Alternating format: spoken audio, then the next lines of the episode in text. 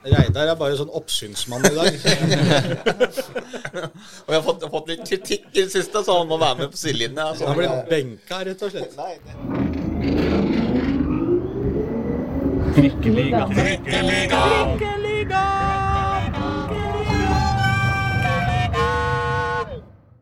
Mine damer og herrer og andre, velkommen til Trikkeligaen sesong fem. Episode to har vi kommet nå i den deilige silly season Nei, Eller det er kanskje ikke silly season, men det er mellom, mellomsesongtida, er ikke det, Håkon Thon? Det er tøysesesong. Det er tøysesesong, eh, og da har vi som alltid Pål Karstensen med oss også. Hei. Ja, Sjøl heter jeg Aslak Borgersrud, det Hei, hei. glemte jeg kanskje å nevne.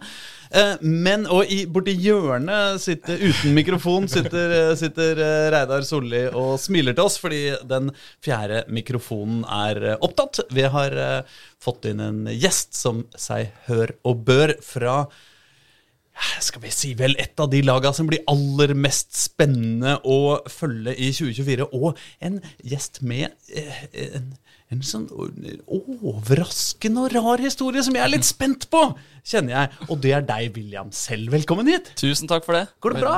Veldig, bra. Ja, Ja da. Forsvarsklipp i Lyn. Ja, jeg Ja. spiller bak der i hvert fall. Ja, ja, ja, ja, ja, du bare surrer rundt, mener du? Ja, nei, det går, det går bra, det, da. Du, føler, du går ikke ut og føler deg som en klipp bestandig?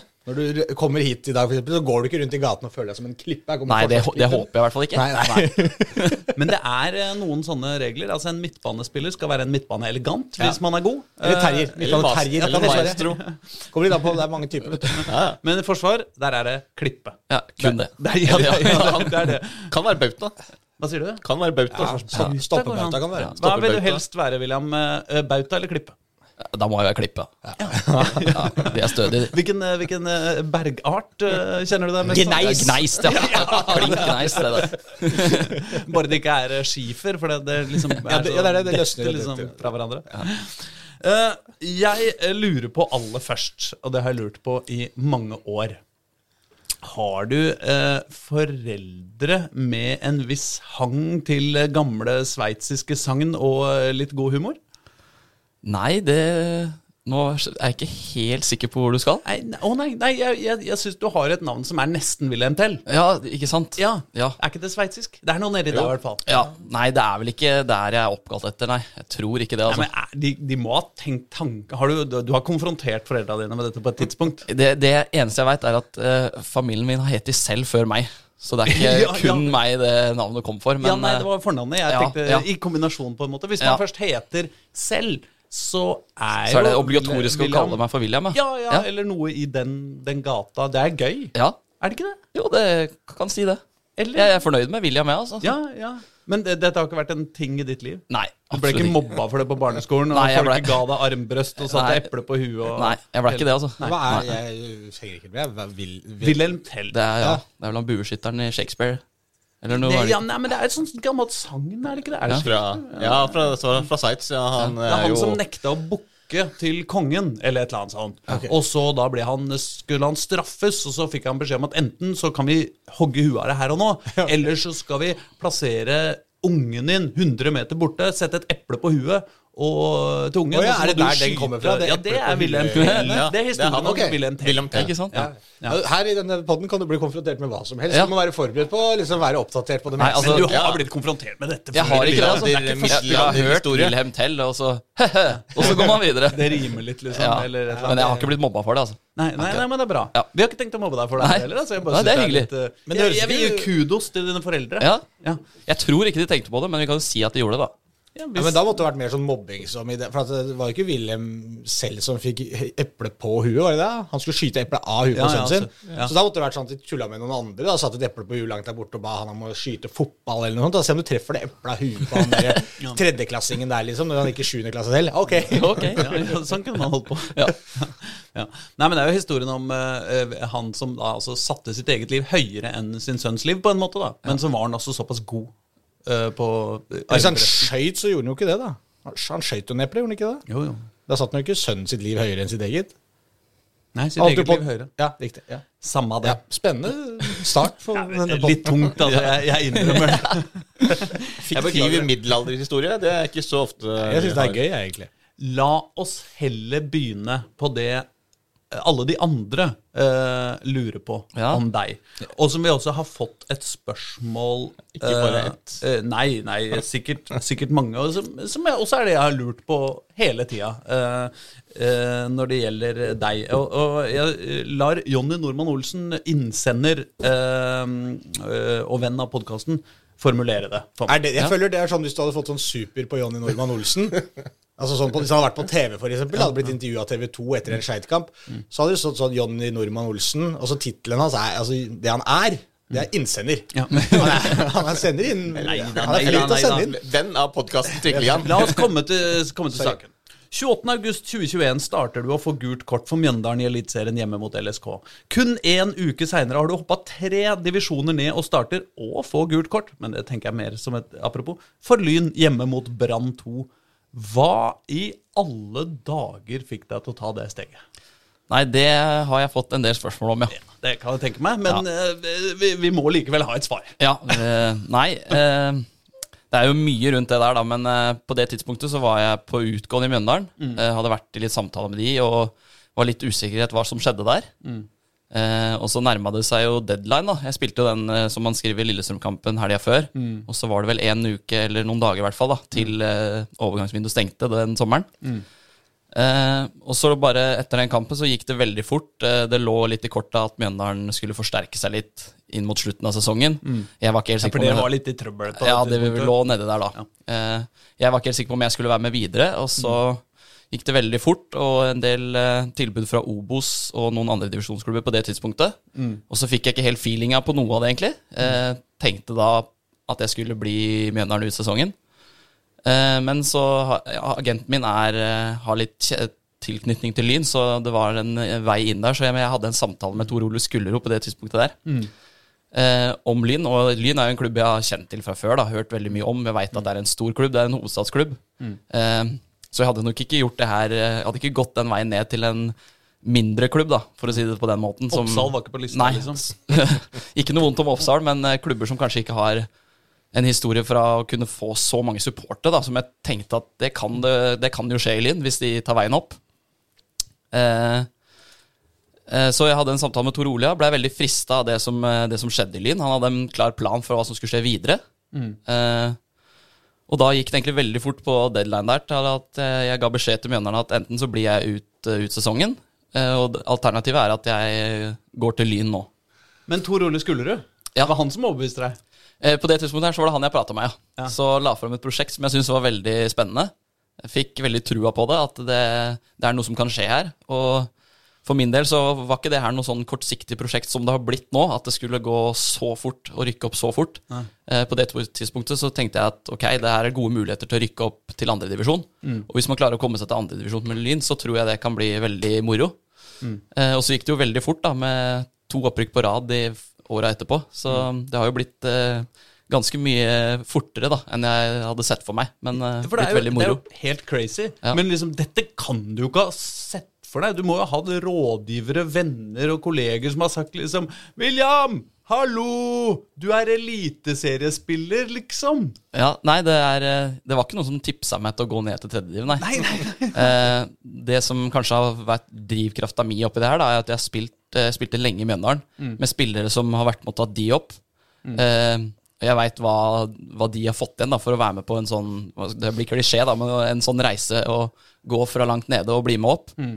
Eh, og jeg er ennå ung, og jeg følte ikke at på det tidspunktet å gå ned, da, som mange kanskje tenkte at jeg kaster bort karrieren min. Jeg tenkte heller at å bruke karrieren min på å være med en stor klubb som har vært nede, og få de opp, det syns jeg hadde vært veldig moro. Eh, kanskje litt påvirka av de som har vært i Mjøndalen og fått til noe av det, noe av det samme der. Men eh, som sagt, da, så gikk jo det veldig mye fortere enn jeg hadde sett for meg. Og da er det jo veldig moro å stå der nå tre år etterpå, eller to og et halvt år etterpå, og så er man i samme divisjon som Mjøndalen som jeg gikk fra. da. Ja. Så det syns jeg er veldig moro. Har du tenkt på det, hvor du på en måte hadde vært hvis du hadde blitt værende i Mjøndalen? Nei, jeg har ikke tenkt så mye på det, men det var jo litt jeg tenkte på det tidspunktet. da, At når det kommer noen klubber fra Obos-ligaen, og så kanskje jeg kan gå dit, kanskje jeg skal vake litt mellom kvalik opp til Eliteserien eller kvalik ned til andredivisjon. Ja. Uh, skal jeg gjøre det, eller skal jeg prøve å bli med på noe ordentlig gøy? Ja. Eh, så jeg er veldig fornøyd med valget jeg har tatt, da. Ja. sånn som det har blitt. Eh, og så er det ikke gitt at jeg skulle ta det valget på det tidspunktet, men det er pga. Lyn og den klubben der, da. Jeg hadde jo ikke gjort som vi nevnte tidligere, så hadde jeg ikke gått til tredjedivisjon for hvilken som helst klubb. Nei, men det er jo også sånn eh, klubblegender blir bygd av, da. Ja, Så jeg veit ikke om det er noe om, om mål fra deg. Du er jo fra oppi, oppi der, er du ikke det? Jeg er fra et sted som heter Hvittingfoss i Kongsberg. Ja. Så Ja, du, ja, ikke sant? Det er oppi der. Oppi der, ja. måte, sånn- Er det Kumlokk, eller er det Hvittingfoss? Er det ikke Hvittingfoss? Nei, det er Ulefoss det står der. Ja, Ja. Beklager. Nei. Ikke Hvittingfoss. Eh, nei, nei, men jeg, jeg tenkte ikke så mye på det da. Og så hjalp det veldig at det er nærme Norges idrettshøgskole. For det, på det tidspunktet der så spilte jeg kun fotball. Jeg hadde I en del år så hadde jeg hatt lyst til å studere ved siden av. Mm. så det var også noe som var med i valget mitt, at eh, jeg hadde lyst til å begynne på idrettshøgskolen. Og det er jo på Kringsjå, 50 meter unna banen vår. Så det var også noe som var veldig viktig på det tidspunktet, at jeg kan studere ved siden av fotballen. For du skal bli trener. Eh, Nei, jeg- går sportsmanagement nå, da.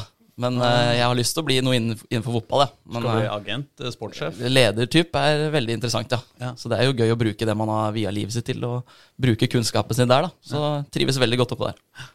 Men blei du, når du kom til Lyn, blei du eh, Eller jeg vet ikke, først så høre, hva, hva visste du på en måte om Lyn? Hva var forholdet ditt til Lyn før du kom dit? Nei, jeg som sagt så hørte om de fra tidligere, da, veit godt at de gikk konkurs. Ja. så, men jeg veit jo at det, liksom, det er en stor hovedstadsklubb som kjempa mot Vålerenga eh, før i tida, da. Ja. Um, og som alle veit nå, så har det vært litt for få Oslo-lag, store Oslo-lag der oppe. Eh, det var noe som trigga meg, da. For en hovedstadsrivalisering, det, er, eh, det tror jeg er ordentlig gøy uansett for alle klubber. Ja. Ehm, ja, som sagt så er det ikke så mange andre klubber enn Lyn som hadde, jeg hadde gjort- det her for, da. Men blei du da, når du på en måte tok turen til Lyn, spilte første matchen, gikk utpå der, Bastionen var på plass, og det var fullt Eller jeg vet ikke åssen du, du kom i 21, ja, da var det Ja. fotball? Da var ikke Eller var det, Det var fotball. Vi spilte på Kringsjå, da. ja, ja, ja, ja. Det var vel, Vi har snakka litt med, med Henrik Elvevold om, om det samme også. Da var det vel ikke det var ikke like mange folk som det er nå. Nei, det er veldig gøy å ha vært med på det òg, da. Men eh, da var det en gjeng borti hjørnet med litt yngre supportere som sto og slo på noen trommer oppe på Kringsjå når vi spilte mot Brann 2. Så det var litt eh, Men var det, var det da færre, på en måte mindre trøkk rundt enn du trodde, eller var det liksom mer enn du trodde? Altså, eller var det som på forventa? divisjonen de lå i, så er det jo mer enn man tror, ja. For det var Ja. jo Det er samme som nå at de sang gjennom hele kampen, da, bare at det var litt færre folk. Ja. Så for med en gang så skjønte jeg at det, hvis det her går bra, så kan det her bli noe skikkelig greier. Ja. Men åssen var forskjellene? Altså, jeg tenker jo på en måte at eh, Mjøndalen og Kongsberg og, og eh, de uh, strøka der er jo uh, er, det, er det stor forskjell på, på kulturen og klubb, Både klubbkulturen og på en måte kulturen i området du kommer fra, da, og til å, og til å være på Oslos beste vestkant? Eh, nei, jeg har jo bare spilt eh, fot seniorfotball i Mjøndalen, da, så det er vel der jeg kanskje må tenke på kulturen min fra. Men eh, jeg flytta jo ikke inn til Oslo, jeg bor fortsatt i Drammen. Så det er ikke noe sånn at jeg bor midt i smørøyet her og opplever det hver eneste dag. Men eh, nei, sånn kultur utafor, eller i hvert fall garderobekultur, da, det som er rundt det som skjer på banen, så var det ganske stor forskjell fra å gå til Mjøndalen til Lyn. Eh, vi hadde jo bygd opp noe i Mjøndalen som jeg var veldig fornøyd med på den tida der, som uh, blei litt spredt der også. Det var mange som forsvant, så da blei jo det litt borte også. Men å ha en kameratgjeng som går utpå der, det er noe som hjelper veldig når man skal spille fotballkamper. Og det er kanskje noe Det var veldig mange gode venner når jeg kom til Lyn også, men det var kanskje litt mer spredt. At det var noen av de eldre satt der, og noen av de yngre var der, og noen av de andre var der.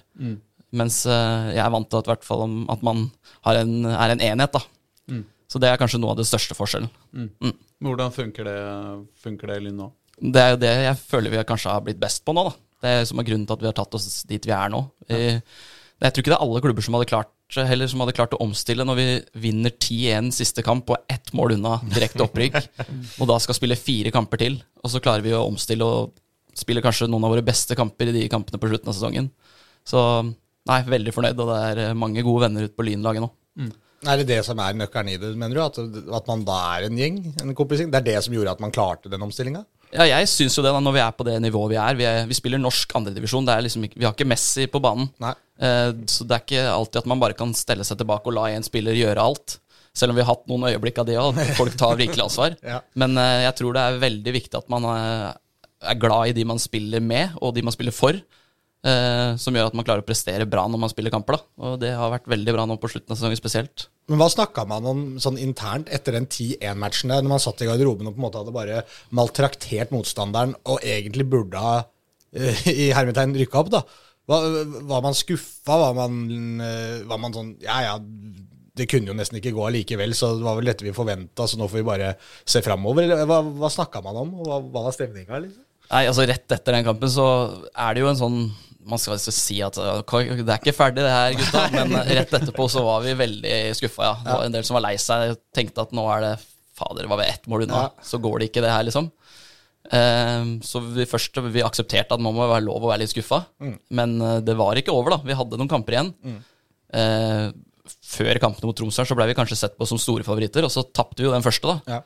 Uh, Så jeg syns den kampen der oppe, når vi klarer å vinne 2-0 eh, borte i Tromsø i ja, seint november eh, det er en god kamp vi leverer der. Ja. når vi sitter på hotellet der Hvis du hadde sett det utafra, så ser det ikke ut som en gjeng som spiller om opprykk til Obos-ligaen. Det var eh, kompiser som satt i lobbyen og kosa seg, og vi var på tur til Tromsø. Så det er litt spesielt, syns jeg, at vi klarte å ha så mye ro over det. Men eh, det er kanskje det som tok oss dit vi, dit vi har kommet, da. Og så kommer de Hødd-kampene, og den første kampen mot Hødd er noe av det bedre vi har levert nå. Ja. Jeg syns vi var ordentlig gode mot et bra Obos-lag. Som eh, ja, de slo vel Start noen to kamper før og spilte uavgjort mot Ranheim på slutten av sesongen. Så det er, vi møtte et godt lag, og så ror vi det inn da i siste kamp. Så nei, det, er, det var sterk mentalitet på slutten her etter å ha vært skuffa etter framkampen. Hvor mye eh, av, av den, den der omstillingen der hadde det med, med Jan Halvor? Fordi eh, altså Vi har jo snakka om han mange ganger. Han er jo ekspert på opprykk. Og må si, det, det som framstår for oss, er liksom akkurat den roen. At han liksom har vært med på det så mange ganger. At han veit liksom både hva som skal til, men, men også liksom hvordan han skal kommunisere til spillerne, og hvilke knapper han skal trykke på for at det, altså det skal skje. da hvor, hvor viktig var han liksom i den her etter, etter 10-1, etter skuffelsen, og inn i en sånn kvalik-spill som, som dere var i? Mm, nei, jeg, syns nesten det er litt undervurdert, faktisk, sånn, sånn rutine som han har. Eh, og i sånne kamper som vi endte opp nå, der må jo han være en av de bedre, tror jeg, da, i landet, i hvert fall. Eh, den roa han har, og forklarer oss at det her er ikke over, det er flere kamper som skal spilles. Eh, etter Tromsdalen-kampen, ja, nei, vi har bare spilt en omgang, gutter, det, er, det her kan skje. Så det er liksom noe med den roa han sprer, da. Og som jeg nevnte, at man er glad fordi man spiller med på banen. Altså man er glad i de. Det, er, det samme går til trenerteamet, da. I hvert fall for min egen del, når jeg går ut på banen og du har en trener som tar hånd om deg etter skuffelser og viser at det her er mulig å få til, så har man lyst til å gi litt ekstra på banen for han også. Så jeg tror nok eh, Ja, det jeg syns han er veldig god på, er å behandle oss som spillere, som personer, ikke bare som brikker. Eh, Det syns jeg Det gir meg i hvert fall veldig lyst til å spille hardt for å vinne for en Halvor. Eh, Og det tror jeg er noe av grunnen til at han har klart det her veldig mange ganger også, da. Så veldig viktig på slutten her, han er. Det er jo litt sånn, eh, fordi når, altså når du kom inn også, det var jo samtidig sånn som Jan Halvor også. Altså den Skullerud-tiden som, han- som han var der.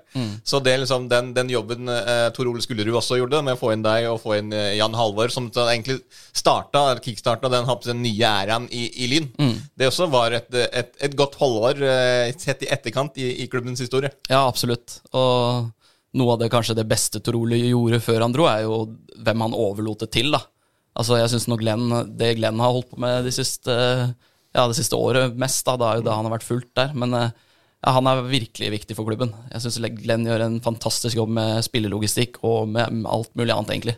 Så vi har veldig dyktige folk oppe der nå, så håper de fortsetter å bygge på det. Kan jeg bare et, eh, Jeg har fått et, eh, et lytterspørsmål fra en som heter Øystein Engedal. Han sier Jan Halvor Halvorsen er alltid rolig, men hva skal til for at han hever stemmen, og hvordan er han da? Eh, nei, han, han hever stemmen noen ganger for oss òg. Det, det som skal til da, er vel at hvis han merker at det, nå er det litt uh, ufokusert gjeng her, nå må man stramme det opp. Og da går det kanskje Da er det en femsekunders outburst, om jeg kan si det sånn. Hvor det er eh, kraftsalver høyre-venstre, og så er det, ja? er det rolig igjen etterpå. Men er det, for- liksom hvis dere er på mobilen i Nei, hvis vi er hel- sånn, ja, eller er det på, ute på banen? Det er vel mer ute på, ut, på en trening, da, hvis det er litt eh, for dårlig fokus på ting. Så smeller det i fem sekunder, og så skjønner alle at ok, da følger vi med nå. Og, er det, og, så, og da er det løst og etterpå, da. Ja, da, da hører vi den. Ja, da hører alle som går rundt oppe og kringsjå han. Men er det da sånn at du er liksom litt Å, dæven, nå er jeg litt redd for han, liksom? Eller? Ja, Men han skal ha respekt for treneren sin, så da, jeg hører på han, og han snakker da, ja. Ja. Så nei, han er flink til å Han bruker ikke eh, overdreven maktbruk på den måten, han, men eh, man hører på når han hever stemmen, ja. Er han en fyr som du kan uh, komme med innspill til? Kan du si liksom Du, eh, mot det laget vi skal spille mot nå i neste uke, de, eh, de har veldig, veldig driblesterke vinger. Kanskje vi skal eh, d- liksom ha litt ekstra sikring den kampen her? Liksom? Kan du komme med sånne ting, eller er det upassende? Nei, han er, altså, han er veldig tydelig på å ha vært med lenge, så han, de har jo planer for det meste. da. Men eh, de er veldig åpne, og spesielt Glenn er veldig åpen på at vi kan snakke mye om det der. Uh, og så er Jan Halvor også veldig flink til å gå gjennom ting før kamper, da, og da ser vi jo er det noe vi bør endre på. Så jeg vil jo si at egentlig alle har, kan komme med ting, og det blir hørt på, absolutt. Så, men det er også veldig, det har vært mange gode planer nå, så det har ikke vært så mye behov for det. Nei. Nei. Hvilken kamp i løpet av sesongen er han har vært best misfornøyd med? Mest Er det du sitter og husker liksom Å, faen, der, der var den sur i pausen. Det, var fortjent, egentlig. og Da var vi, hang vi ikke med. Nei, jeg kommer ikke på noen sånn ordentlig Men eh, jo, eh, det var ikke en god første gang vi leverte mot Arendal hjemme på Bislett. Nei. Når vi endte opp med å vinne der, da. Ja, ja. Men eh, da, det var ikke happy teamtalk da, nei. Men Var det like etter sommeren der, eller? ja, det var lå vel det 2-0 til pause, var det ikke? Ja, jeg tror det. det, vant 3-2. på Men da går det egentlig Da er det, ikke noe mer, da er det mer på at vi må tørre å spille fotball, da. Og litt Ja, tørre å slippe oss løs. øh, Litt sånne ting. Men øh, nei, det er ikke noe, har ikke vært noe ordentlig sånn øh, kraftsalver i pausa ennå, nei. Det har jo stort sett gått bra, da. Ja, det har jo vært veldig hyggelig. Har jo spilt to sesonger nesten uten tap. Men eh, det jeg kan det- si om det der, er at han eh, oftest, hvis han eh, hever stemmen om noe i pausa, så er det de kampene vi leder eller det er jevnt og vi spiller bra. At vi, nå må vi ikke slippe opp, nå må vi ikke tro at det her er Ja.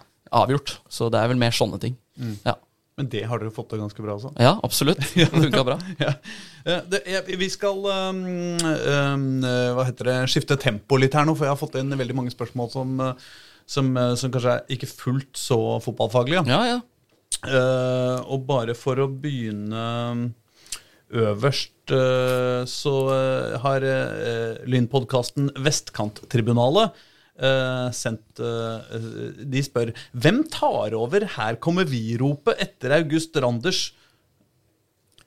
Nei, det veit jeg faktisk ikke svaret på. Det er vanskelig å erstatte Randers på det ropet der. Altså. Han hadde en røst som runga utover. Men uh, nei, vi, Alex har kjørt det en gang, da. Oppe i Tromsdalen, det var vellykka. Og så hadde vi en gang borte mot treff hvor vi kjørte det alle sammen. Så det er noen muligheter her til å lage vår egen greie nå som Randers er borte. For det, det er ikke mulig å erstatte den stemmen der, tror jeg. Signerte for, for Hønefoss, jeg. Ja, Sånn er vi ikke sånn Jeg har på å si så, så langt unna, så han kommer vel kanskje å heie på dere. Kanskje Ja. kan dra i gang Så kraftig er ikke den stemmen. Da får han, han stå- fra ja, Da han, får han stå i andre enden og svare. ja, ja, Når han kommer uh, og ser på dere på, på tribunen, så kanskje han kan uh, på dra det i gang fra, fra andre siden. ja, det kan være. Men det er jo rart med altså, Du har jo gjort den rareste overgangen av alle, på en måte. Fra, fra Eliteserien og ned til eh, ned, nedi der.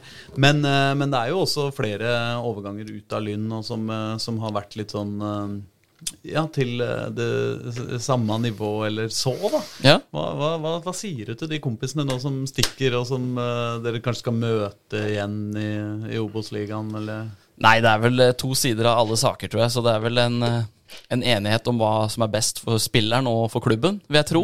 Så jeg bærer ikke noe nag til noen av de, og ønsker lykke til, med mindre vi møter de i kamp. Da... Det er litt nag, Harry. Nei, jeg har ikke det, altså. Jeg har ikke det. Kom en liten, eh, altså litt ekstra, legge inn litt, litt ekstra i taklingene. Jeg- Det skal ikke tape da, nei. Når, eh, når Elvevold eh, prøver å dra deg av. Ja. Nei, det blir veldig moro, det. Og Det blir moro å møte han. Det Jeg blir har gøy. er han på lista di? Er det? Jeg har ikke noe liste, altså, men det blir, gøy, det. det er ikke for sent å det. begynne å lage en. Hæ? Det er ikke for sent å begynne å lage en liste. Du kan Nei, lure jeg nå. kanskje skal lage en liste nå, ja. Ja, hvem er de La oss si tre-fire angrepsspillere i Obos-ligaen 2024 som du har lyst, til lyst, dere har lyst til å, til å takle litt, eh, litt hardt? Nei, Det er jeg, jo skummelt å gå ut med på en La, jeg kan, la jeg William kan, stå i dette. jeg kan ikke lage en liste her nå, altså. Jeg kan ikke det. Men Nei, eh, det er, er mange kamper jeg gleder meg til. Elvevold er på den lista. Ja, det han får være på den lista. Ja, ja, Bør i hvert fall være godt klar over at han eh, Du må ikke slippe han til for seint i kampen. Nei, det er sant. Da, da må, må, må Han han er markeres, da. da. Ja. må han markeres ut. Ja. Ja, men det er vel hvem som nå enn skal spille spiss på Vålerenga, kanskje. da Bør jo være på den lista. Uansett hvem det er. Men jeg, så burde du, du kan jo sette opp bare Du kan ha Elvevold og så Vålerenga. Men det er jo, jeg tenker sånn Når man møter eh, Egersund, da, og hvis Henrik kommer på da kvarteret før slutt, så kommer jo Lynspillere. Dere må jo kjenne sånn fanken, eller der kommer Henrik liksom i, i det der gylne kvarteret sitt. Nå må vi passe på. Det kan jo bli litt sånn der psykologisk, nesten, det der. Ja, vi I veit hvert fall hvis Henrik starter Jeg ser for meg han starter alle kampene for Egersund, men akkurat mot Lyn setter han på benken. Ja. Setter han inn et kvarter før slutt. ja, Nei, vi veit hva han er god på, ja. Så vi får passe på når han kommer der. Postnords Solskjær. Ja. Uh, uh, men uh, nå, da. ja, nå, da. Uh, Magnus Tvete, Tvete spør hvem av spillerne er mest sint på dommerne i trening og kamp. Det var jo han, da. Hvis vi skal begynne der. Men han er jo ikke der nå. Men nei, det er ikke noen Jeg tror ikke vi har fått så mange gule kort på dommerroping og sånn i år, altså. Men eh, det er noen som er veldig glad i å prate med dommeren, da. Både Julius eh, Skau Smiske, og liksom. Even Bydal er borte der ofte. Så, men de har ikke fått noe kort på det, så det holder seg litt i øra, tror jeg. Men eh, nei, det er ikke noen sånne ordentlig fæle folk der nå. Hvordan er du? Er du sånn at du bare prøver å Det er som en sånn gammel Dommeren for deg er som en sånn gammel klassekamerat du egentlig ikke har lyst til å prate med, liksom. Du bare forholder deg til at han er der, men du prøver å holde litt distanse. Greit, gult kort. Jeg, Jeg prøver jo å kommunisere ofte, da, men det er jo ofte én vei, det, da. Ja, det er det. Det er det, Ja. dessverre. Men uh, sånn er det. Du vil gjerne ha en god samtale, du. Jeg prøver i hvert fall å få en forklaring på hvorfor ting er som det er, og da er det ofte bare Nei. Får ikke noe svar. Spill fotball, du. Så spiller jeg videre. Ja. Usylta brus. eh, som Ja, hva er det her for noe? Dette så jeg Det var en helt gjeng med usylta greier som hadde sendt inn spørsmål. Ja, Hva er det det, for noe? men alle har 1896 på slutten av brukernavnet Ja, sitt. Det det det betyr? er noen lynbotter, da, vet du. Ja, men usylta hva er Det må bety et eller annet? Eller må jo ikke det. For Jeg vet ikke, jeg, altså. Men usylta brus bør i hvert fall uh, sylteagurk på burgeren. Ja, hvis den er på, så tar jeg den. Jeg legger den ikke på sjøl. Eh, og usylta fruktnøtt uh, spør favoritt i Twist-posen. Hva det? Den den firkanta nøtten er jo god, da. Den sjokoladenøtten. Den med gullpapir. Oh, ja, ja, den, Ja, den- ja, den er veldig god. Ja, den er en, liten, en liten mandel på toppen Ja, der. den er veldig god. Jeg må si den, da. Ehm, ehm, hvem, eh, hva var det mer av de Jo! eh, Øystein Engedal hadde også et uh, tåpelig spørsmål. Uh, som, uh, altså Når vi først var på de, på en måte ikke så, ikke så viktige, da. Så, så sier han Jeg håper at William snart ombestemmer seg og ikke ønsker å dra fra meg nå som jeg har rykka opp til Eliteserien i Football Manager. Ja, hvis det er uh, footballmanager William man snakker om, da. Ja, må jo være det. Ja, ja, Det høres jo sånn ut. Nei, det er jo ditt synd, da. Alter, ditt Football Manager Ja, det er jo alter synd, da. ego forlater Lyn Ja, det er veldig synd. Ja. Det hadde jo ikke jeg gjort, da. Nei, du hadde ikke det? Nei, så han får si det til han. Hvis Ja. det går an. okay. ja. Men det kan Det hende er urealistisk. at Eller kanskje det er veldig realistisk da, at FM har skjønt at med en gang William selv kommer til Eliteserien, så skal han ned. Ja, da er det tredjedivisjon igjen. Det er en ny klubb i tredjedivisjon. Ja. Det er godt. Det er, da er det faktisk valgt veldig realistisk. Ja. Nei, det, det er ikke mange, altså. Vittigfoss, hvis de hadde vært i tredje, skulle jeg gjort det, da. Men det, det, det skjer ikke. Nei, jeg tror det, Det er vel ikke så langt unna Kongsberg? Er det Nei, ikke det? det er halvtime fra Kongsberg. Det er ikke Hva hvis. Mjøndalen går videre nedover? Jeg mente hvor i divisjonssystemet ja, egentlig, sånn, Dilo. ja. Ja. Nå, det, er, de er un, det er ikke noe høyere enn sjette, i hvert fall. Så Nei, det jeg blir litt stort prosjekt igjen, kanskje. Så den er litt seig, den. Kanskje Mjøndalen, da. Hvis de går på en smell og havner i tredje divisjon. Jeg er veldig fornøyd i Lyn, jeg nå. Så. Blir Lyn nå. Um, øh, oi, nå Det er to sider etterpå de arka her. Det var Ikke sant? det jeg- Alltid to sider. Uh, Ja da, ja da, for da er vi videre. Bakis tre dager på radis. uh, spør stekes Grandiosaen på rist eller i langpanne? Er rist på meg, ja. Ja, det, og det er viktig for deg også. Ja, Ja, det er rist. bakepapir. Bakepapir på rist. Ja. Ja, altså Det er sånn det skal gjøres. Ja da. Ja, helt riktig, det. Jeg brukte aldri bakepapir, jeg, men jeg fikk kjeft plutselig da jeg Da renner plutselig osten ja, det var- ja, ja, Ja, sant. Det Det er akkurat. jeg i. Um, også eh, like Ullevål uh, spør Nå Nei, vi mer på det litt mer seriøse igjen. Ja. Hvilken spiller hadde det vært vanskeligst å erstatte ved en skade? Um, og så uh, oppfølgingsspørsmål på en måte. Har du et kamikaze-tips av tabellen uh, ved sesongslutt? Oi. Uh, den siste var seig, da. Med tabellen. trenger Men du kanskje ikke kan- ta hele tabellen. Nei. Nei, men det er noen, noen eh, nylig nedrykka lag som eh, bør være der oppe, ja. Men eh, hvis vi starter eh, litt sånn roligere med hvilken eh, Er det noen spillere som du tenker at her har vi ikke dekning, eller, eller denne spilleren, eh, Lynspilleren, altså, er så god at, uh, at uh, det, han skal til, liksom, for at dere skal få det til? Fullt lov å svare seg selv. Eh, Nei, det skal jeg ikke gjøre. Men eh, nei, det er eh, Det kommer jo an på hvor mange kamper det her er, da. Om det er én kamp, så er det jo som regel er det mulig å få det til én kamp og skvise ut til 90 minutter med, med hjelp fra noen andre. Men eh, er, jeg er glad i mange på laget, jeg, altså.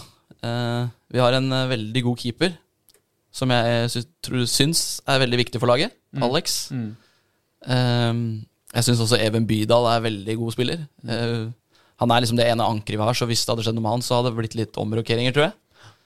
Eh, så er det også noen oppe der, da. Så Anders Bjørntvedt Olsen har vært veldig god i år. Mm. eller i fjor, da. Så jeg tror ikke jeg har lyst til at han heller skal bli skada. Men eh, det er mange andre gode. Herman òg, veldig god spiller. Så jeg kan si mange, altså. Dessverre. Ja. Okay, Ja, for, kan for det er sånn, så, tenker sånn for eksempel Bjørntvedt Olsen, for eksempel, da. Ute én kamp. Da klarer man jo på en måte å håndtere det, Ja, det sannsynligvis. Ikke sant? Men mister han over lang tid, Det er så, det. så er det ikke så, Så det er litt vanskelig spørsmål, det ja. der. Ja. Det er da man i Fifa ville bare skrudd av maskina og, Ja. og, og loada på nytt. Åssen er det? Spiller du, spiller du Fifa eller Football Manager eller sånn? Ja, Football Manager spiller jeg en del. Ja. Så og Fifa litt sånn av og på. ja. Det er klassisk for spillere litt eh, lenger ned i divisjonene. Ja. Fordi de er jo ikke i Fifa. Altså, du, har Ja, vært, du er jo i Fifa hvis du spiller eh, et eldre FIFA, ja. 2021-Fifaen, ja. Nei, Er det sånn at du har den liggende på maskina, sånn at du kan spille med deg Nei, sjøl? jeg spiller de nye Fifaene, ja. Ja, ja. Ja. Men eh, nei, jeg er glad i Football Manager, ja. Det spiller jeg en del. Det ryktes jo at uh, på østkanten av Oslo så er det jo ingen som kommer til å kjøpe eh, neste versjon av der, Fifa, liksom. Det er, hva, hva er vitsen da, liksom? uh, men uh, men eh, neste, neste, altså 2020, hvordan blir det? 2026, der, der, der skal det vel være. Ja, det, det har gått fort nå, men jeg vet ikke hvor det fort det går nå siste del, altså. Men eh, nei, det blir 2025, mener jeg. jeg, Vi jeg håper det skjer en gang, ja. ja. Men, eh, nei, men Kamikaze-tipset. Nei, som sagt, de, nye, de nye nedrykka laga, de tror jeg er oppi der. Mm. Eh, egentlig alle. Vålerenga, Stabæk, eh, Ålesund. Mm. Det er jo svære klubber, i hvert fall. Og så er det jo noen av de som har vært oppi der nå, da. Eh, både Kongsvinger, Start, de pleier å være oppi der. Mm. Så det er vanskelig å trekke noen sånn ordentlig favoritt, men eh, jeg må nå si Vålerenga kanskje, og Stabæk, da. Mm. Der oppe, sammen med Ålesund. Men uh, Lyn, da? Nei, det, vi skal vel si det som vi alltid har sagt, at vi prøver å være konkurransedyktig. Det må være det kjedelige svaret, men eh, jeg tror nok når man spiller noen kamper nå i preseason og får sett eh, åssen troppen ender opp, så tror han skal få et greit innblikk på hvordan det skal gå. Så det blir spennende. Men, men eh, eh, kamikaze-tips var det. Ikke, ikke i, i kjedelig analyse som er eh, fintuna med hva Jan Halvor mener du skal si høyt. Han hører ikke på uansett. Nei. Så bare mellom oss, liksom. Hvor tror du dere ender opp? Nei, jeg har veldig tro på at vi skal klare å holde oss, da. Så ut ifra det så er det ikke noe Det som man så i år, da, er at det er veldig tett mellom eh, bunn og opprykk. Ja. Eksempel med Mjøndalen, som var tippa å rykke ned i midten der. Som var plutselig to kamper før slutt mulighet for å få sjetteplassen og kvalik. Så jeg tror de plassene igjen mellom der, det er bingo. Så et sted mellom der ta, får jeg tippe, da. Et, et sted mellom Midten. Mellom, altså, mellom kvalik opp og kvalik ned. ja. Skal jeg si det? mellom, Så dere er de to laga som skal komme, som skal ikke ha noe å kjempe for de siste Nei, kampene? jeg håper vi har noe å kjempe for, da.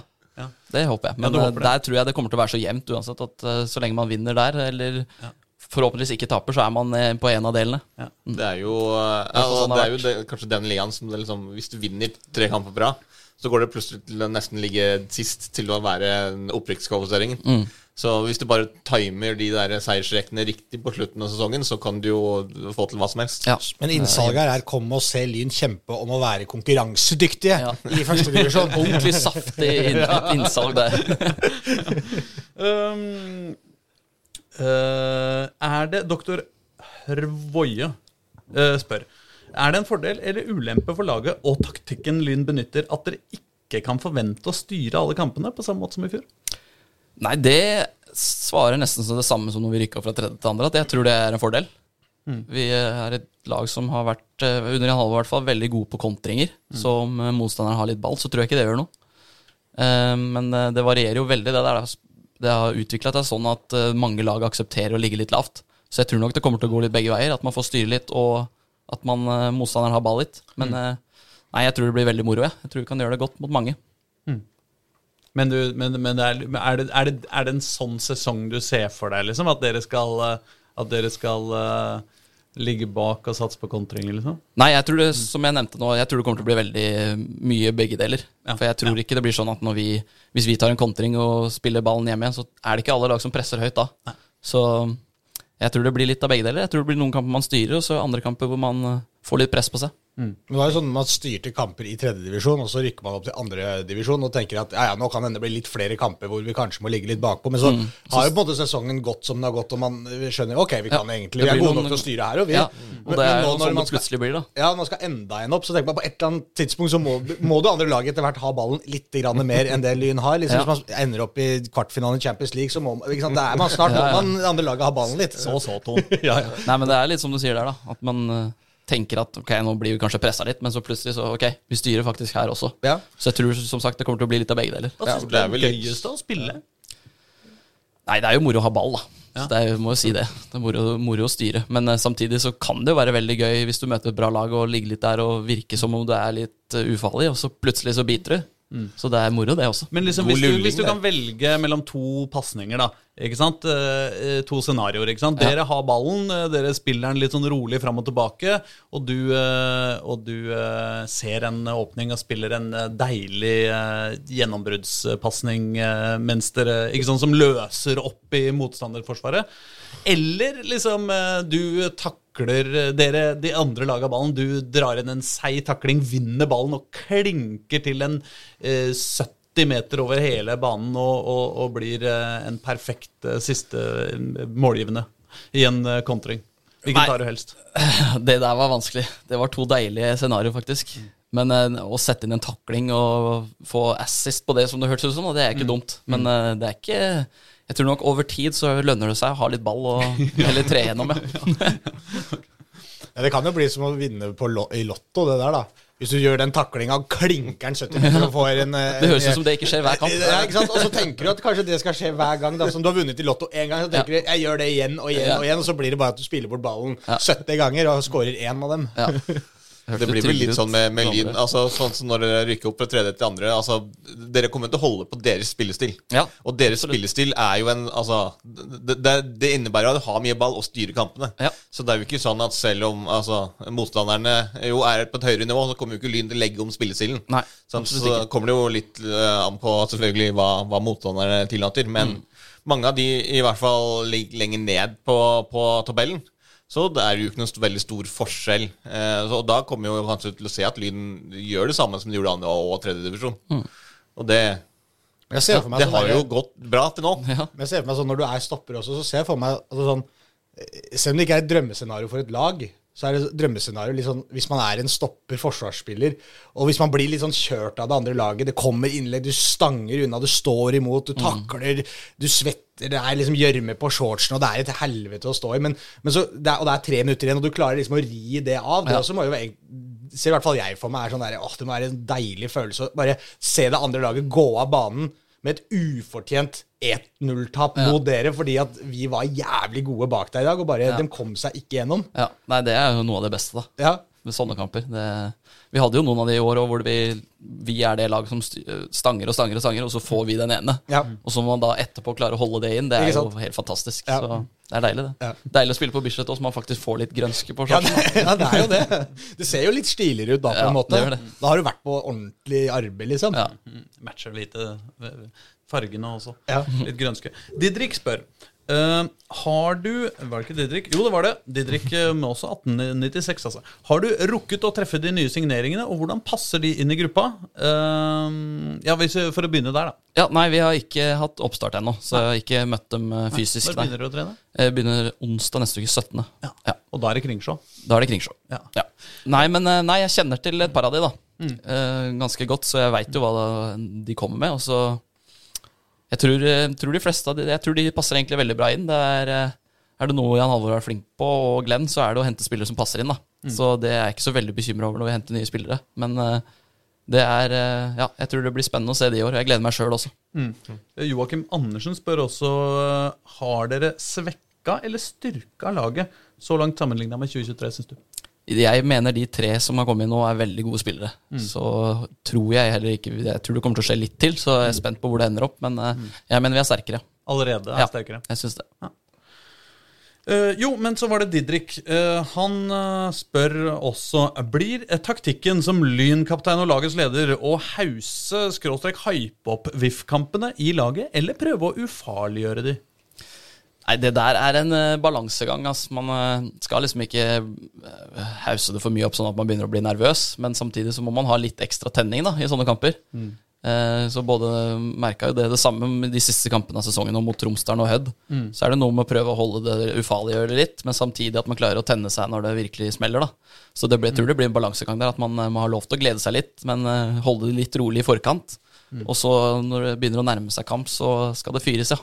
Men er det noe, dere, er det noe du gjør? Henger du opp uh, Vålerenga-klistremerker i pissoaret? Er det liksom eh, Brenner dere ting? Eh, Jeg hørte Grorud drev jo og hørte på Lynpodkast før deres kamper mot dere i fjor. Altså, er det, Gjør du noen sånne ting? Nei, vi har ikke noe sånne Vi, vi brenner ikke opp noe, nei. nei, vi det er vel mye Det er mange spillere som tar tak før kamper, som prøver å fyre opp på forskjellige måter. Og det er jo Det er jo individuelt hva man fyres opp av, på en måte. Så for min egen del så blir jeg egentlig bare veldig inni meg veldig klar for en eh, viktig kamp. Prøver å spre det videre til de andre at det er ikke noe farlig det her. Man må få lov til å glede seg litt. Og så når vi går utpå der, så er det vel bare å prøve å få de spillerne til å ta inn over seg det som skjer rundt. da. For ofte i sånne kamper så er det ganske moro å se på de som står på siden og følger med på, Ja. på kampene. Så Ja, er jeg tror det blir det. Mye ting som brennes på tribunene. Og, Ja, og. Ta inn over seg det som skjer på tribunen, tror jeg i hvert fall det gir meg mye energi. da. Så det er eh, moro. Men er det viktig eh, for deg eh, Altså utover at på en måte det blir åpenbart årets største og, kamper som får mest oppmerksomhet og sånn, men, men betyr det noe spesielt for deg å, å, å ta Vålerenga? Ja, det gjør det absolutt. Det er, når vi har vært så langt nede nå, da, og ikke spilt mot de i seriespill på så lenge, så er det spesielt å kunne gjøre det ja, hva blir det, 10-13 år etterpå, bortimot. Og møte de på at man er på samme nivå. da.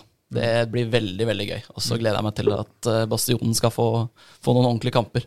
Det blir moro. Er det, kjenner du noen i Vålerenga? Er det noen der du har lyst til å Er det noen spesielle der som er på lista di, da? Nei, jeg har ikke noen eh, sånn som jeg kjenner veldig godt, nei. Jeg har vært på noen eh, samlinger på landslag, så jeg er jo noen jeg har kjent Eller spilt litt med sånn tidligere. Men mm. Så jeg har spilt med Borchgrevink, eksempel, så det er jo en veldig fin fyr, syns jeg. Som eh, dessverre fikk litt uh, syndebukkstempel på slutten her. Men eh, er det en som står i det på en god måte, så er det han, da. Så det blir moro å møte han òg. Det blir det. Men hva slags forhold har du på en måte i utgangspunktet til Vålerenga? Nei, jeg, fra før av så har jeg ikke noe annet forhold til de enn at det er uh, hovedstadslaget, da. Ja. Eh, så Nummer to, på en måte. Så håper jeg at jeg kunne endre litt på det sjøl. Ja. Så nå kommer jeg opp med et annet lag, så det blir veldig gøy å møte de på samme nivå.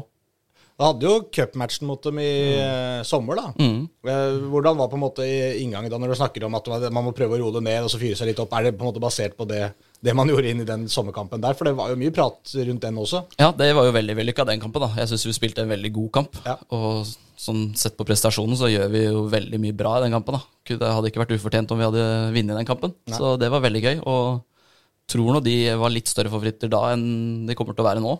Nå er vi på samme nivå, men eh, Nei, vi må jo prøve å gjøre noe av det samme, men det er jo klart det er annerledes når man spiller i seriespill. Så er jo Vålerenga skal jo være større og bedre, da. De har jo mye mer å spille på. Har spilt Eliteserien nylig, så Men det blir veldig moro. Jeg tror vi kan gi dem en kul kamp. Når dere bruker litt av den underdog-stempelet der Altså Når dere kommer inn mot, mot Vålerenga Likevel at Vålerenga skal jo være tross alt litt sånn favoritter og skal være største byen. Og, og de har liksom De har mest å tape enn en det lyden er. Det, det er vel også noe dere kan bruke som en, som en motivasjon. Dere, det, er, det er ikke dere presset ligger på. Nei, det er jo akkurat det. da For vår egen del så er det litt mer det at når vi kan slippe oss løs og spille en kul kamp Vi må ikke føle på noe at vi har noe å tape her. For det har vi jo ikke. Når vi for to år siden spilte tredjedivisjon, og de spilte Eliteserien, og så spiller vi samme liga nå det, Ja, vi har ikke noe å tape på det, men eh, det hadde vært gøy å gi dem en ordentlig kamp. Ja. Så vi kommer ikke til å akseptere noe, noe tap der. Um, uh, Engedal igjen eh, spør hva må Lyn bli bedre på i Obos? Det er jo alt, da.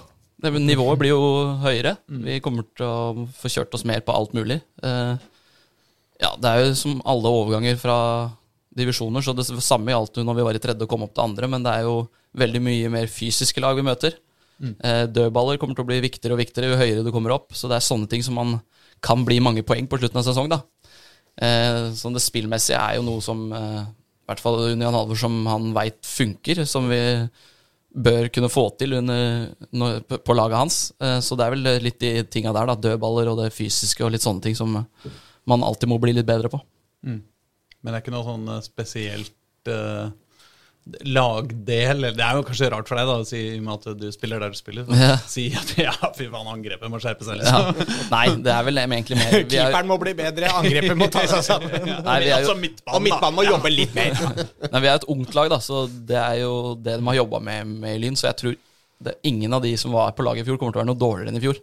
Vi er jo unge spillere som kommer til å bli bedre, og det tror jeg tar oss langt. Og så er jeg veldig det er spent på de signeringene vi har gjort. Det ser veldig spennende ut med de gutta som kom inn. Så nei, det er bare å ta tak, egentlig, for det, alt blir litt tøffere når man rykker opp.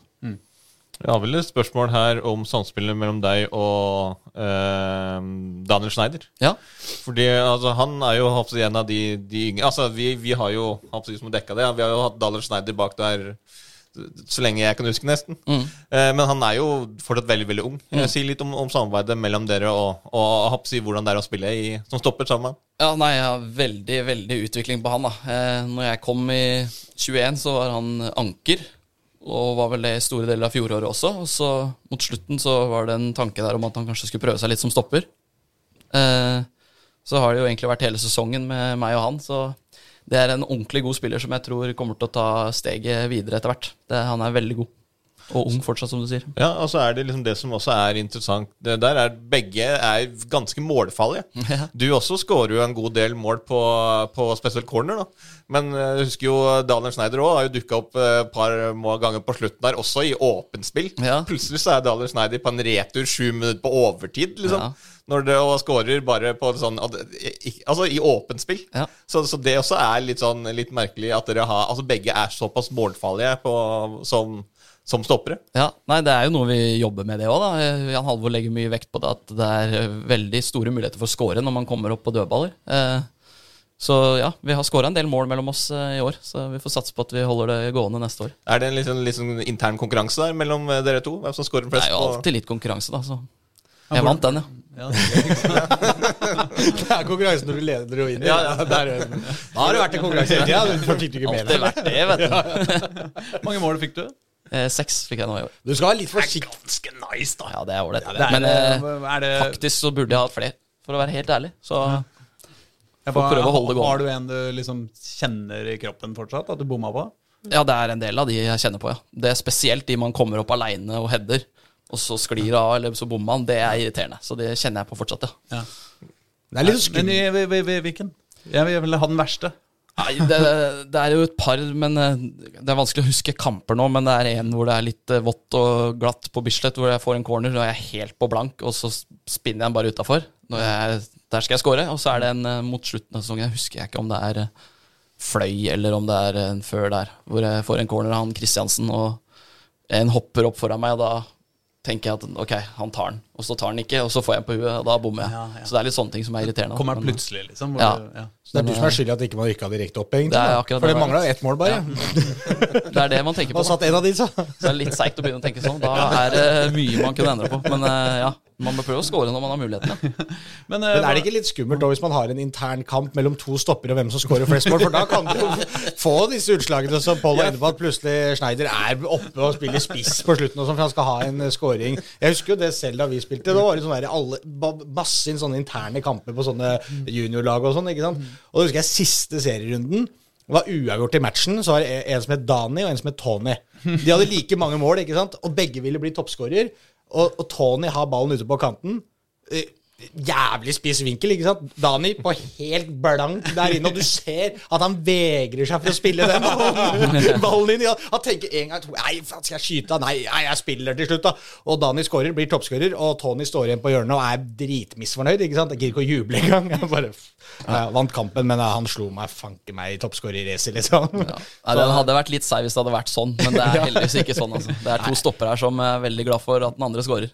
Det, det hadde vært litt dumt om dere, om dere mista noe alvorlig på, av denne Nei, det den har det ikke vært. Smålighet. Ja, dette, var jo, ba- dette var jo mer sånn ungdomsfotball. Det var kanskje litt andre regler da. Men jeg vil var litt eh, den, videre eh, den, eh, på det spørsmålet fra Vestkanttribunalet. eh, eh, som som eh, spør, stiller et spørsmål til. Hva, hva var den sterkeste enkeltprestasjonen i Lyn i 2023? Og, og da liksom Ikke sånn den spilleren som har vært best hele året, liksom, men det ene målet eller den taklinga eller returløpet eller redninga eller Nei, det er, eh, det er mange sånne øyeblikk som man tenker på der og da, som er svære. Og sånn som eh, man tenker på det i kampen, skåringa til Ole mot Vard, virker jo der og da som at ok, det her kan gå, på en måte. Og så når det ikke går på det, da, så må man jo tenke litt på de kvalikkampene. Eh, og der var det jo bare gode spillere, gode kamper generelt. Gode 90 minutter av mange. Men uh, den skåringa til Ole mot Vard, den var helt sinnssyk. Hvordan Og hadde den? den blitt utslagsgivende, så er det jo en helt syk skåring, da. hvordan, Kan ikke du få beskrive den? Ja, det er jo vi, Det er 1-1 lenge der mot slutten av kampen, og så får vi en kontring hvor Hellum spiller ut til Ole på hjørnet av 16. Og så drar han seg inn og bøyer han opp i krysset altså med slutten av kampen. da.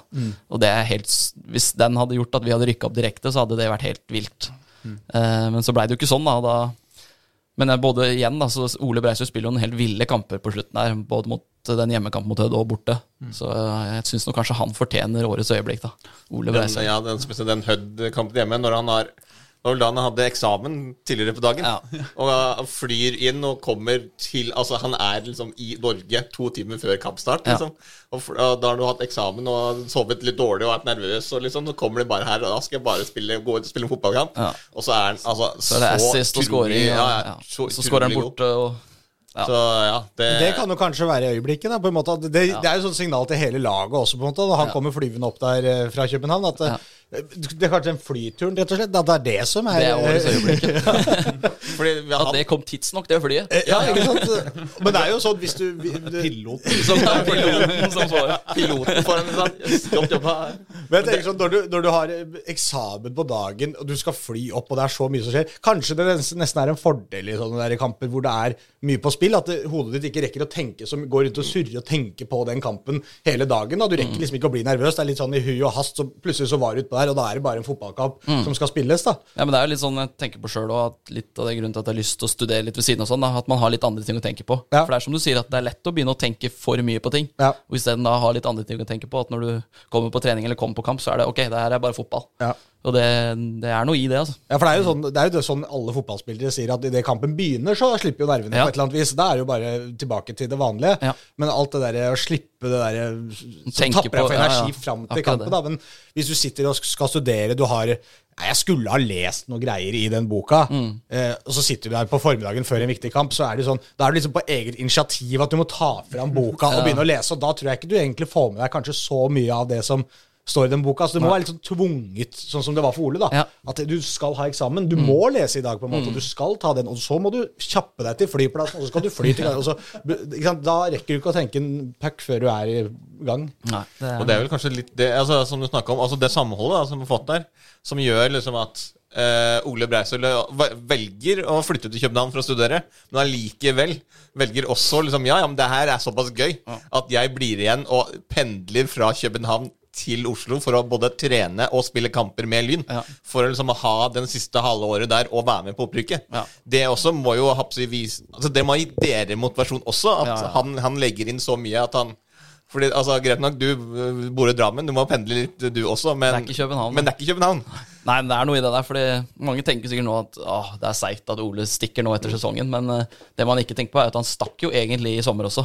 Vi fikk alle høre at ok, Ole er ferdig. Eh, og så kom det fort en kontra der på at eh, ok, han blir med noen kamper nå etter ferien, og så endte det opp med at jeg blir med hver kamp og ser åssen det her går.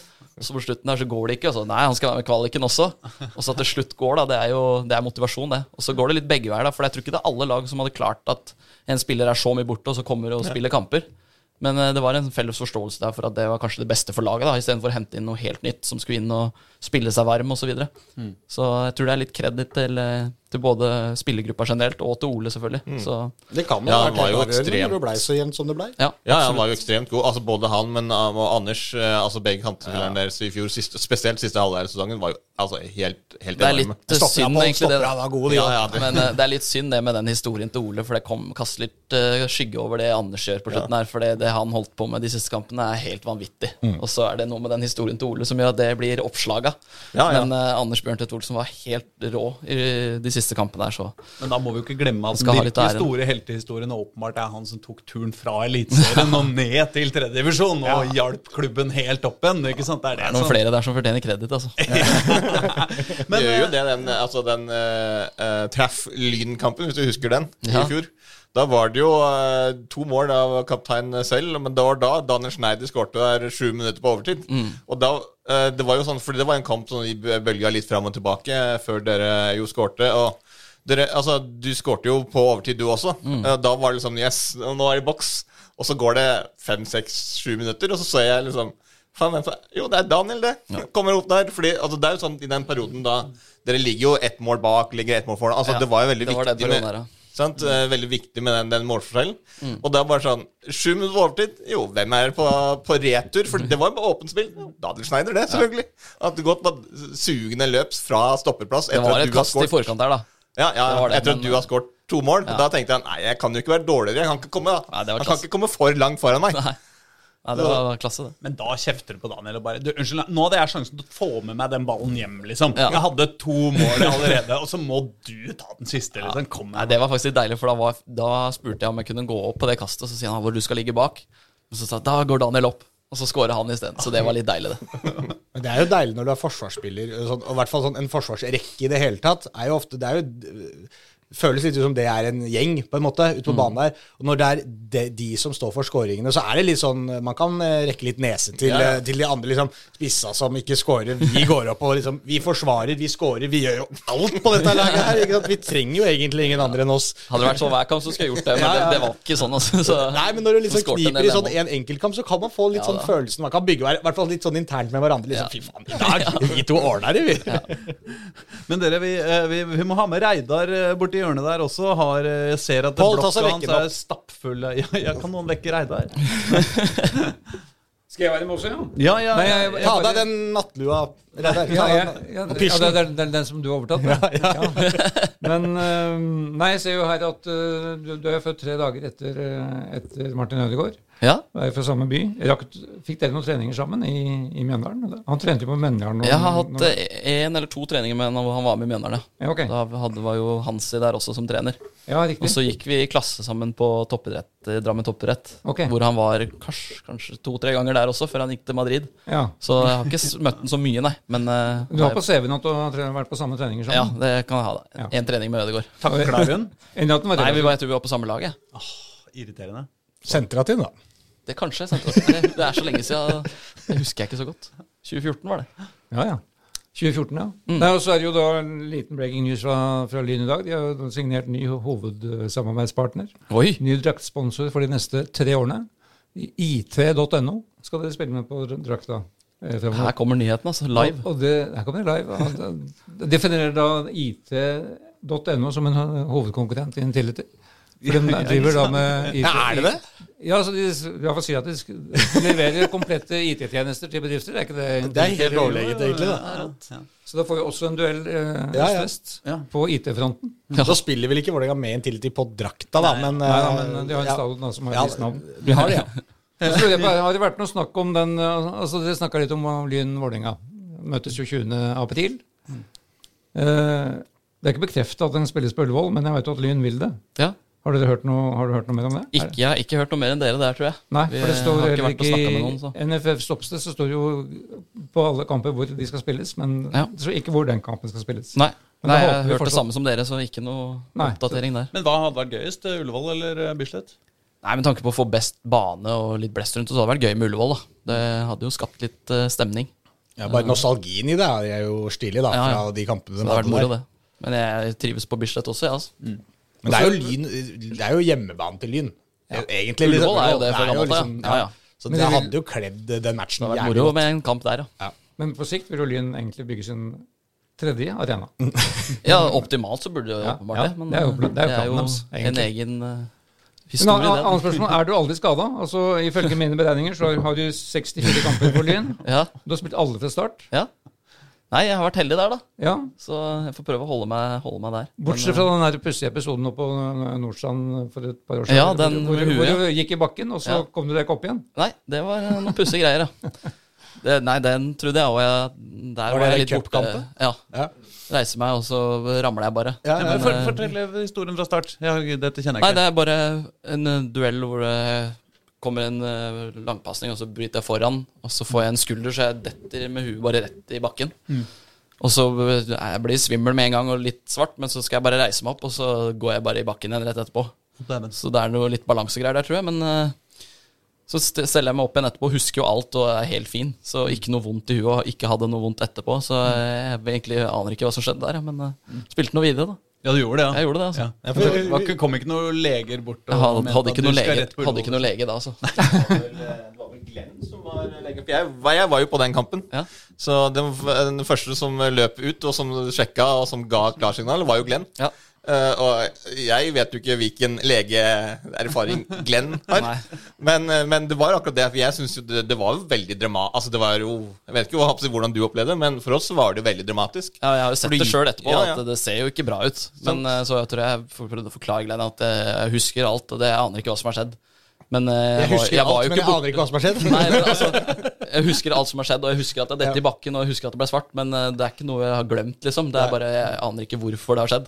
Så prøvde jeg Han hørte sikkert på meg at det var normal i stemmen, da, men eh, Nei, jeg, hadde, jeg aner ikke om leger jeg har vært borti det der, men eh, Ja, for jeg husker, vi, kanskje jeg burde ha gått av. Vi diskuterte jo litt på sida der, husker jeg. Det var jo flere som liksom var, Ja, for vi var der jo sammen, Ja. Pål, og Jørgen Isnes var vel der også ja, på den var der, kampen. Vi, det var mange som diskuterte, og vi var litt sånn derre Skal han virkelig spille videre nå, på en måte? Er ikke det helt høl i huet?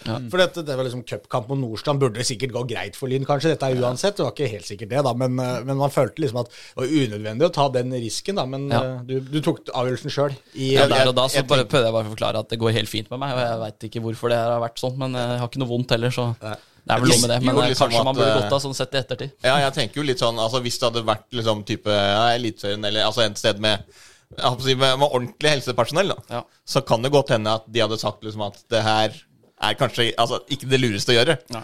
Men, men sånn, hvis- Glenn sier sånn Ja, ja, jeg, det her går fint på meg, og så Glenn sier ja, ja, det er fint, det. ja.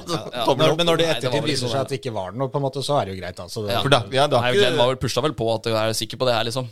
Men så Ja. prøvde jeg bare å si at uh, bare I jeg tåkeheimen så sa du ja, ja, ja, dette Jeg, går jeg var faktisk ikke i tåka, for jeg husker alt sammen. Men eh, nei, det der, jeg tror jeg bare reiste meg ganske fort opp rett etterpå. Ja, så men det er hadde jeg sittet sånn- litt til, så tror jeg hadde sikkert gått over. Men eh, Men det er vel litt sånn vanlig at man eh, egentlig ikke skal høre på spilleren i sånne situasjoner. er på en måte at, ja, Selv om du på en måte følte at du var klar og disse tingene her, så er det jo Men det er klart, hvis du ser på øya dine og du ser helt ålreit ut, så, så Jeg jeg, jeg hadde kontroll. Det var jo ikke noe ettertid. Nei. Ikke noe problem med det. det er sånn greit å ta vare på huet, ja.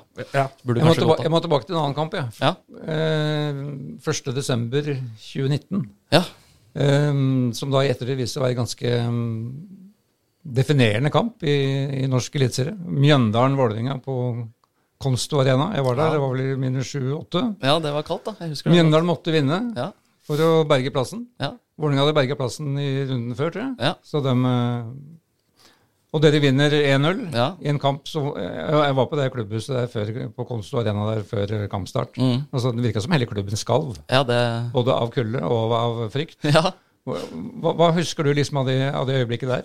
Nei, jeg husker at vi hadde vært eh, ordentlig smørja lenge den sesongen, og så tok vi oss sammen litt på slutten av sesongen og spilte en del gode kamper. Eh, og prestasjonsmessig var vi greie, fikk ikke alltid med oss poeng, men så fikk vi den siste muligheten her, da, og vi visste at hvis vi vant her nå, så kunne det gå.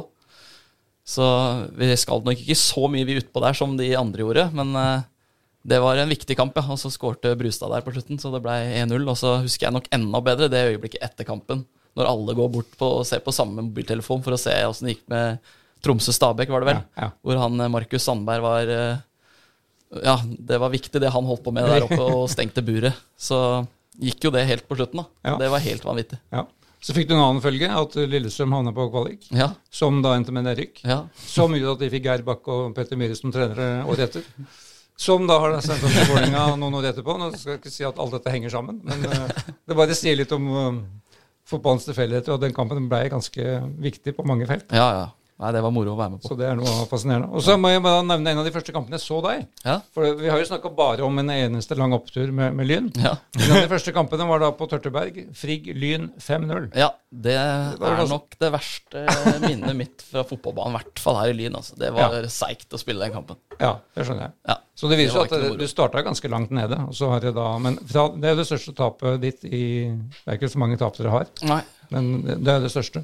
Ja, nei, vi, jeg kom jo inn, og så spilte vi, vant noen kamper, spilte litt uavgjort, og så var det jo tidlig klart at det går ikke med tanke på opprykk. For hadde, det var en del kamper som hadde Ja, man hadde ikke tatt de poengene man trengte. Og så spiller, skal vi spille mot Frigg, og så er det vel en sånn Ok, nå er det et Oslo-oppgjør her, nå må vi prøve å vise oss fra en god side og vinne den kampen. Så er det bare fullstendig natta, og 5-0-tap. det- Den var seig, ass. Ja. Tenkte du da at det valget med å gå fra Mjøndalen til Lyn ikke var så lurt likevel, akkurat da? Nei, altså på det tidspunktet så hadde jeg jo Når jeg pratet med Tor Ole, så var det enten å komme den sommeren til Lyn, eller å vente ut sesongen og komme etter sesongen. Så jeg var ganske innstilt på at det kom til å bli Lyn uansett. Ja. Eh, Så for å være helt ærlig, tanken min etter den frikampen var at jeg er glad for at jeg kom når jeg kom. For da så man faktisk hva, hva som måtte gjøres. Ja. Og da Ja. Det ble rydda etter den sesongen der, så det har blitt veldig bra til slutt, da. Ja, det er jo det. Du har fått, har jeg, jeg får bare et, et spørsmål på overtid fra eh, Anders, som lurte på om, angående åpningsspørsmålet på hele seansen. Om den overgangen fra Eliteserien og ned. Hvordan reagerte Vegard Hansen på det valget du hadde tatt? Nei, det, som sagt så hadde jeg vært i forhandlinger hvor det lå an til at det ikke ble fornyelse, da. Ja. Så Nei, han, hadde, han bærte ikke noe nag, han da. Han eh, var jo ute og fortalte at han ønska meg lykke til og alt mulig, så De henta jo to spillere som erstattere også. De henta én stopper og én back, så jeg tror de hadde noe klart når jeg gikk der. Ja. Så jeg tror ikke det var krise for dem på det tidspunktet. Men ja. nei, jeg har, under han så jeg har jeg hatt godt forhold til han, jeg, så det er ikke noe, ikke noe vondt der. Ja, flott. Og så var det oppfølgingsspørsmål i og med at du er fra Hvittingfoss. Ja. Har du vært på Styggemann? Ja. Ja. Det er godt å høre. Herlig. på hvem? Et. Styggemann det er da et eh, helt vesentlig fjelltopp på Skrim, Skrimfjellene, som vi som vandrer i I de DNT-landskapene. Har selvfølgelig vært der. Ja, fordi Enten så går du i fjellet, eller så kjører du snowboard. eh, hvis du er fra Kongsberg. Det, det er vel noe i det, ja. Ja. Jeg går, jeg går. Ja, du går, Ja. ja. Kan også være god uh, skihopp. Ja, Kongsbergknekken, den har du inne. den har jeg inne. Ja, ja. Det Såpass må det være. Nei, det var et oppfølgingsspørsmål angående Mjøndalen her. Altså, hvis det, det er jo et lag med mye karakterer. Eh, eller har vært. eh, Ja. Altså Hvis du ser på en måte Vegard Hansen, Gauseth og Mats Hansen Hvem er mest irriterende av de tre? Mest irriterende, da. Eh, Jeg har jo mest kontakt og prater mest med Gauseth. Eh, Han har vært ganske irriterende til tider. Mats Hansen fikk jeg spilt litt med, var litt irriterende da, men kanskje ikke så irriterende nå. Vegard har jo vært veldig irriterende. Så de har forskjellige Men, eh, irriterende utviklingskurver. Forskjellig grad av irriterende, ja. Men eh, Nei, det må kanskje si at uh, Vegard Hansen var ganske irriterende. Ja. en helhetsvurdering. Ja, det- Jevnt over, på en måte. Så, så ligger den høyere enn de andre. Eh, ja, nei, men vet du hva, da tror jeg vi uh, begynner å nærme oss. Ja. Hvis det er noen flere som har noe, noe Første treningskamp, er det? Det er snart.